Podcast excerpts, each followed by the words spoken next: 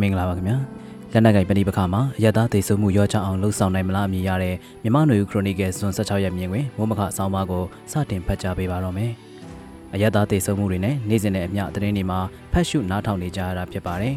ခုရက်ပိုင်းတွင်မိုးပြဲမြို့အနီးနားမှာဖြစ်ပွားတဲ့စစ်ကြောင်းထိုးခြင်းနဲ့အရတားများဖမ်းဆီးခံရခြင်းအရေးအတွက်26ရောက်ထိရှိတယ်ဆိုတဲ့သတင်းဖတ်ရှုရပြီးနောက်အခုရက်ပိုင်းအရတားသိဆုံမှုကမိုးပြဲတနေရာတည်းမကပါဘူး မန္တလေးတိုင်းတပိတ်ချင်းမြို့နယ်ထဲမှာတပ်ဖြတ်ခံရသူ၃ဦးရဲ့ရုပ်အလောင်းတွေတွေ့ရှိရသလိုလက်နက်ကြီးကြီးကြားရောက်ပြီးကလေးမြို့နယ်ထဲပဲခူးတိုင်းထန်းတပင်မြို့နယ်တွေကကြေးရွာတွေမှာသေဆုံးမှုနဲ့ဒဏ်ရာရတဲ့အဖြစ်အပျက်အခုရက်ပိုင်းမှာတွင်စကိုင်းမြို့နယ်တွေကစားတောင်နဲ့အနီးတစ်ဝိုက်ဘက်ကရွာတွေမှာဖမ်းဆီးခံရတာစစ်ကြောင်းဝင်လို့ထွက်မပြေးနိုင်တဲ့တတိရွယ်ရင်လူတူသေဆုံးရတဲ့တဲ့တင်တွေစားတဲ့တဲ့တင်တွေကိုနေ့စဉ်တဲ့တင်တွေထဲမှာတပြိုင်နက်တည်းဖတ်ရှုနေရပါတယ်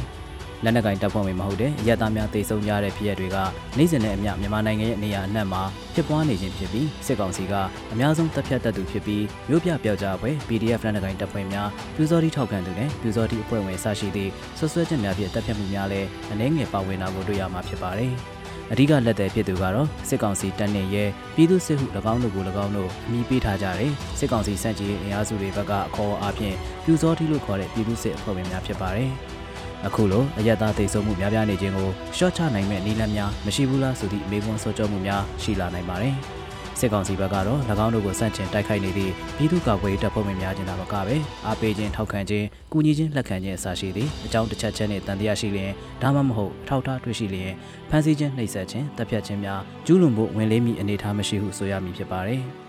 တစ်ဖက်မှာလည်းအရသားများသေဆုံးမှုခုထက်လျော့နေအောင်ပြည်သူ့ကာကွယ်ရေးတပ်ဖွဲ့များအနေဖြင့်လည်းနီလန်းရှာဖွေနိုင်မလားဆိုသည့်အချက်ကိုစောကြောကြည့်လိုပါတယ်။ပြည်သူ့ကာကွယ်ရေးဖွဲ့များအနေဖြင့်ပျောက်ကြားစစ်ပြည်ပြူဟာကိုအသုံးပြုမိဆိုပါကဥပမာအားဖြင့်တိုက်ပွဲဖော်ဆောင်ခြင်းကိုကြေးရွာများအနည်းတွင်လှုပ်ဆောင်ခြင်းမပြုဘဲလူနေထိုင်သည့်ကြေးရွာများနဲ့ဝေးသည့်နေရာများတွင်ဖော်ဆောင်ရန်ဖြစ်နိုင်ခြင်းရှိမရှိကြေးရွာများသို့စစ်ကြောင်းဝင်ရောက်ခြင်းကိုမဝင်နိုင်အောင်တားဆီးတိုက်ထုတ်နိုင်ခြင်းရှိမည်လားမတိုက်ထုတ်နိုင်ပါကကြေးရွာအနီးနားများတွင်ကြားပြတ်တိုက်ခိုက်ခြင်းမိုင်းဆွဲခြင်းတို့ကိုမပြုလုပ်ပါက ကြေးရွာများကိုပြစ်မှတ်ထားဖျက်ဆီးခြင်းကြေးရွာရှိအရသားများဖမ်းဆီးတပ်ဖြတ်ခံရခြင်းမှကာကွယ်နိုင်မည်လားဆိုသည့်နည်းလမ်းများလည်းရှိကောင်းရှိနိုင်ပါတယ် အရသာတေဆုံးမှုနဲ့နေအိမ်ရိတ်ခါဖျက်ဆီးခံရမှုများဟာတပ်ဖက်တွင်နိုင်ငံရေးအရာစစ်ကောင်စီကိုစိတ်နာကြီးစရာဖြစ်စေ၍စစ်ကောင်စီစန့်ကျင်အင်အားစုများအနေဖြင့်ဒေါ်လာရေးအတွက်နိုင်ငံရေးအရာပုံမှုစည်းရုံးကလွယ်ကူစေပြီးဒေသခံများအနေဖြင့်လက်နက်ကင်တိုက်ပွဲများကိုအပြည့်အဝပါဝင်ရန်သို့မဟုတ်ကူညီရန်ပိုင်းဖြတ်မှုဖြစ်စေလိမ့်မည်ဆိုသည့်တွေးဆချက်မျိုးလည်းဖြစ်နိုင်ခြေလည်းရှိသလိုတစ်ဖက်တွင်လည်းအခုလိုလက်နက်ကင်ဒေါ်လာရေးအတွက်လူဝင်အားငွေအားဖြင့် ပါဝင်ကူညီနေသူမိသားစုဝင်တွေဆုံးရှုံးရမှုနေအိမ်ရိတ်ခါဆုံးရှုံးရမှုတွေကဆက်လက်ပါဝင်ဖို့အင်အားမရှိသလိုသို့မဟုတ်အရေးမြင့်များကုန်ခန်းသွားသဖြင့်ဒေါ်လာရေးမှာပါဝင်ကူညီမှုကျဆင်းသွားတာလည်းဖြစ်ကောင်းဖြစ်နိုင်ပါတယ်။ ပထမတွေးဆချက်ဖြစ်သည်စစ်ကောင်စီကရက်ဆက်လေတော်လိုင်းအတွက်စီယုံဖို့ပိုကောင်းလေဆိုသည့်ယူဆချက်ကမဆနာရ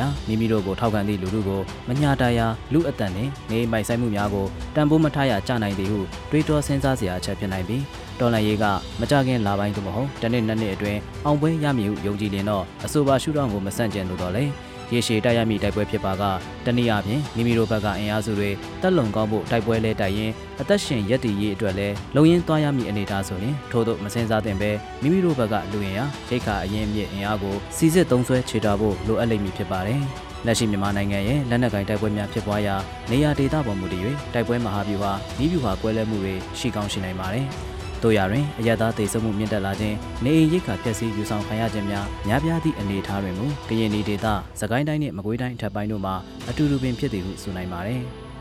လက်နက်ကင်တိုက်ပွဲများနှင့်ပျောက်ကြားစစ်ကိုဆယ်စုနှစ်များစွာဆင်နွှဲလာသည့်တိုင်းသားလက်နက်ကင်အဖွဲ့များတွင်ယခုအခြေအနေနှင့်ပတ်သက်သည့်အတွေ့အကြုံနည်းဗျူဟာရှိပြီးဖြစ်ကောင်းဖြစ်နိုင်ပါသည်။